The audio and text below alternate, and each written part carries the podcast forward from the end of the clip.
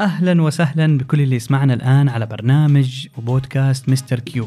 شكرا لكل اللي بيسمعنا عن طريق أبل بودكاست أو جوجل بودكاست أو أي منصة إذاعية أخرى. أنا ممتن لكم جميعا واليوم راح نتكلم عن تجربة مصر الاستثنائية و Mister Q في القاهرة.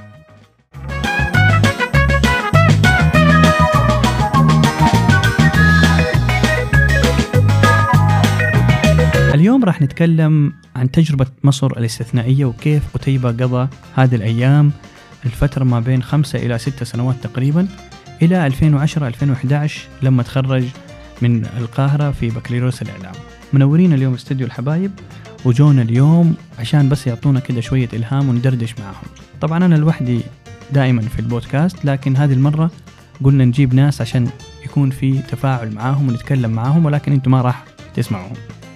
تجربة مصر الاستثنائية هي تجربة علمتني كثير في حياتي الخاصة. تجربة علمتني كثير في حياتي العملية كذلك. أنا لما رحت على هناك في 2004 2005 درست الإعلام في جامعة من الجامعات. أول سنة ثاني سنة ما, ما اعترف بها الملحقية الثقافية ما اعترفت بها. ثم نحن نقلنا إلى جامعة معترف بها عشان نكون تبع البعثة أو البعثة السعودية الخاصة بالسكولرشيب تبع المملكة العربية السعودية. فلما نقلت لجامعة من جامعة لجامعة أول كنت عايش في مصر. الآن نقلت لجامعة ثانية عشت في السعودية. كيف؟ الجامعة اللي أنا كنت فيها كانت في مصر الجديدة كانت حوالين المصريين بمختلف أطيافهم من سنة ومسيحيين. وكنت عايش مع المصريين وأشوفهم في الجامعة وأروح ما في أحد غريب. كلهم وكأني أنا عايش بين المصريين وسطهم. لكن لما رحت على الجامعة الثانية في مدينة 6 أكتوبر في ثلاثة أو أربع جامعات. هذيك المدينة معروف عنها إنه فيها سعوديين كثير. فلقيت كل الناس اللي يشرب قهوة عربي اللي عنده تمر في بيته اللي يتفرج نفس الأشياء والمباريات اللي بيسويها في السعودية. فلاحظت إنه أنا كأني نقلت على السعودية. فهنا جاء شوية تصادم حضاري. هل قتيبة تبى تعيش في هذا المجتمع ولا تبى تعيش في المجتمع المصري؟ وطبعا كل واحد حر في اختياره إنه هو يعيش في وسط السعوديين في مصر. أو يعيش في وسط المصريين في مصر. من هنا انطلقت حياتي وانطلقت إنه أنا أبغى أبدأ أكون لنفسي شخصية إعلامية أو هوية إعلامية. أنت الآن حتتخرج إعلام حتكون زيك زي أي واحد أتخرج بكالوريوس إعلام. لكن أنا قررت إنه أنا أعتمد على نفسي وأبدأ أسوي برامج لنفسي وأتواصل. هذا هو الحس الصحفي. الصحفي أو المراسل أو مقدم البرامج لازم ما يقعد في البيت ويستنى الفرصة تجي. سواء كنت معروف أو غير معروف. فطرقت كل الأبواب. دخلت اللي هو طبعا معروف المدينة المدينة الإعلامية أو مدينة الإنتاج الإعلامي في مصر. هي طبعا موجودة في بيروت وموجودة في دبي. وكانت واحدة من أحلامي أنه أيام الإجازة في مصر كنت أروح على دبي أشوف هذه المدينة الإعلام اللي في دبي.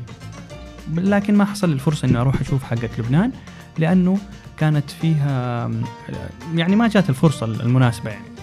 فدخلت مدينة الإنتاج الإعلامي. أتعرفت على الاستديوهات اللي هناك أتعرفت على شركات الإنتاج أتعرفت على القنوات الجديدة اللي هناك سواء كانت السعودية أو غير السعودية. والحمد لله أخذت فرصة في 2007 2008 تقريبا إنه أقدم برنامج كل يوم خميس فقرة. آه تكون لمدة ربع ساعة إلى 20 دقيقة على الهواء مباشرة في قناة الخليجية. كنت أستضيف فيه الملحق الثقافي نائب الملحق مدرب تنمية موارد بشرية يعني ما بين سعوديين وغير سعوديين. وكانوا يعطوني 500 ريال أعتقد أو 600 ريال سعودي على الحلقة. وأنا كنت أدرس وأنا كنت طالب يعني. فأصبحت عضو في مدينة الإنتاج الإعلامي في هذاك العمر. تعرف الناس المهووسين بأول سعودي أصغر سعودي أصغر مدري مين. أنا ما كانت في بالي هذه النقطة يعني. فالحمد لله ربنا وفقني دخلت مدينة الإنتاج الإعلامي أصبحت مذيع فأصبحت أمارس هذه المهنة الذي أد... التي أدرسها ثم أروح مارسها بعد العصر أو بعد الجامعة. من هنا بدأت تشكلت حياتي. في كل شيء أصبح قتيبة عنده قانون أي شيء يتعلمه لازم يطبقه عشان الناس تصدقه. وحتى كذلك المعلومة لما أنا أنقلها. 2008 كان في عندنا نادي الطلبة السعوديين. كان لسه دوبه أول سنة 2007 2008 من خلال الأنشطة الطلابية في النادي كان في أعضاء لجنة النادي ثم في انتخابات. قتيبة رشح نفسه رئيس اللجنة الإعلامية. طيب قتيبة الآن يدرس إعلام آه، مرشح نفسه رئيس نادي الطلبة السعودي أو رئيس اللجنة الإعلامية عفوا في نادي الطلبة السعودي ثم مذيع في قناة سعودية في مدينة الإنتاج الإعلامي هنا أصبح لدي باور ولدي قوة. في الجامعة اللي نقلتها وقاعد أدرس فيها إعلام تقريبا ما كان في سعودي إعلامي كان في واحد إماراتي وواحد عماني وواحد كويتي بس. يعني تقريبا ما كان غير يمكن بس طالبة أو طالبتين حاجة زي كذا يعني. فأنا ك... كواحد إنه مو يعني في حياتي بشكل خاص ما كنت أبحث عن التميز. كانت الفرص تجيني فكنت أنا أميزها عن غيري أو أستغلها. وهذا اللي أنا دائما أكرره إنه أنا أميز وأستغل الفرص اللي بتجيني. دخلت نادي الطلبة السعوديين رشحت نفسي كسبت بفارق مية صوت عن باقي المرشحين الآخرين وأصبحت رئيس اللجنة الإعلامية في نادي الطلبة السعوديين لمدة سنة كاملة بالانتخابات. يعني واحتفلنا وانبسطنا. وقتها حسيت بالإنجاز حسيت إنك أنت سويت حاجة. إنه قتيبة أصبح رئيس اللجنة الإعلامية والمتحدث الرسمي باسم النادي وصرت أقدم الحفلات صرت أروح الجامعات نقابل الطلبة والطالبات نشوف إيش مشاكلهم في القاهرة في اسكندرية في المنصورة في كل المحافظات اللي كانوا فيها يدرسوا سعوديين. كان العدد أكثر من عشرة آلاف طالب وطالبة تقريبا يعني سواء مبتعث أو على حسابه الخاص. بعد انتقالي من نادي الطلبة السعوديين آه، وانتهت طبعا في 2008 2009 بعد ما خلصت الدورة الانتخابية وهنا تيجي فلسفة الحياة. هي حقت قتيبة يعني.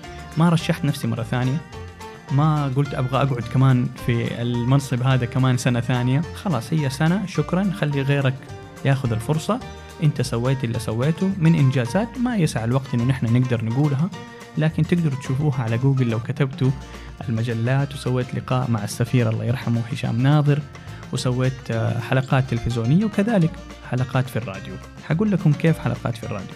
فلما انتهيت في هذه السنة قلت خلينا نسلم الكرسي الواحد ثاني أو المنصب هذا الواحد ثاني بدأنا ندعم أصحابنا. فبعدت شوية عن المجال اللي هو النشاط الله صفي تعرف لما الناس اللي بيسمعونا حقون التعليم أو المدارس يقول لك والله هذا الولد ذكي وشاطر بس لما تيجي في التعليم لما تيجي في النشاط اللا صفي ما عنده سالفة أو ما عنده هرجة.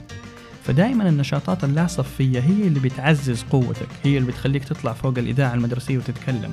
دائما النادي الآرت نادي الفن نادي الإذاعة نادي الكشافة نادي هذه هي النشاطات اللي بيسمعوني. أتمنى أنه يعلموا أولادهم والجيل الجديد على هذه النشاطات اللي هي بت... ما بيتوقع أنه هو ممكن تأثر عليه لكن صدقوني عن تجربة هي بتأثر على الولد أو بتأثر على النشء بطريقة أو بأخرى. ولذلك تركت نادي الطلبة السعودي وبعدت عن النشاط اللا صفي. طبعا لأنه كان بدون وظيفة بدون مقابل كان تطوعي كان خدمة للطلبة السعوديين. ما كان في راتب ما كان في أي شيء. وبنرتب لهم رحلات وبنسوي بياخذ من وقت يعني. واتجهت إلى عالم الأعمال أو عالم ال business. وبدأت بإذاعة مع شباب مصريين كأول إذاعة إلكترونية أو أونلاين تقدر تسمعنا من السعودية من اليابان من دبي من أي مكان.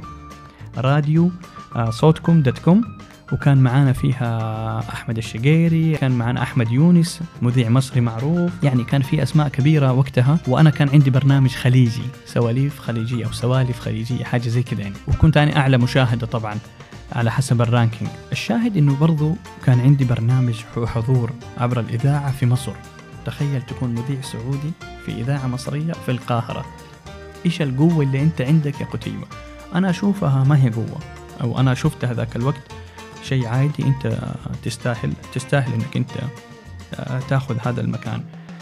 طبعا مصر ما تقدر تسوي فيها آه، معلم على المصريين خاصة في الإعلام لأن هم مدرسة ما شاء الله تبارك الله خاصة في الفنون أو المسلسلات أو التمثيل أو كتابة السيناريو. صار عندنا نحن مسلسلات شاركنا في تمثيل كذا مسلسل على التلفزيون أو كذا كذا مسلسل إذاعي عبر الإذاعة. طبعا في الإذاعة هذه وأنا مثلت دور الخليجي أو الشاب السعودي أو الشاب الخليجي كان اسمي نواف وقتها.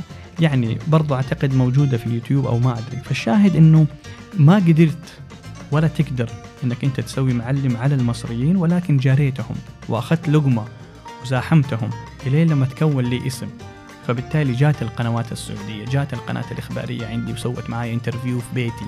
وأنا سنة رابعة إعلام. وقال لي ليش أنت بتدرس إعلام المذيع وموجودة على اليوتيوب؟ هذا المقطع. قلت له أنا راح أكون مراسل للقناة الإخبارية زميل لك بعد ما أتخرج. فضحك الجميع كذا وطالع فيا وأصحابي ضحكوا وتصوروا معايا. وبعدها شاءت الأقدار إنه أنا أروح اليابان وأصير مراسل لقناة الإخبارية. هذه قصة جدا حلوة وملهمة راح أقول لكم هي بالتفصيل. بس نرجع لمصر. ما ما كان في شيء يوقفني في مصر.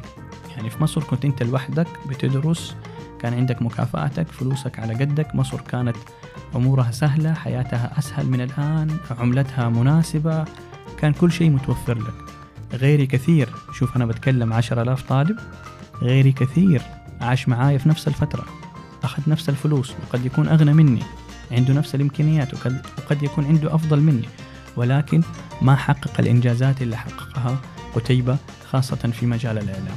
طبعا في مجالات الطب في مجالات الهندسة في ناس كثيرة تخرجوا الله يوفقهم وصار لهم شأن آه سواء داخل أو خارج المملكة. لكن أنا بتكلم عن قتيبة وحياته الإعلامية. طبعا مصر شكلت نقطة تحول في حياة قتيبة الإعلامية خاصة أنه هو تخرج من الإذاعة والتلفزيون ومارس العمل الإعلامي داخل آه، مدينة الإنتاج الإعلامي.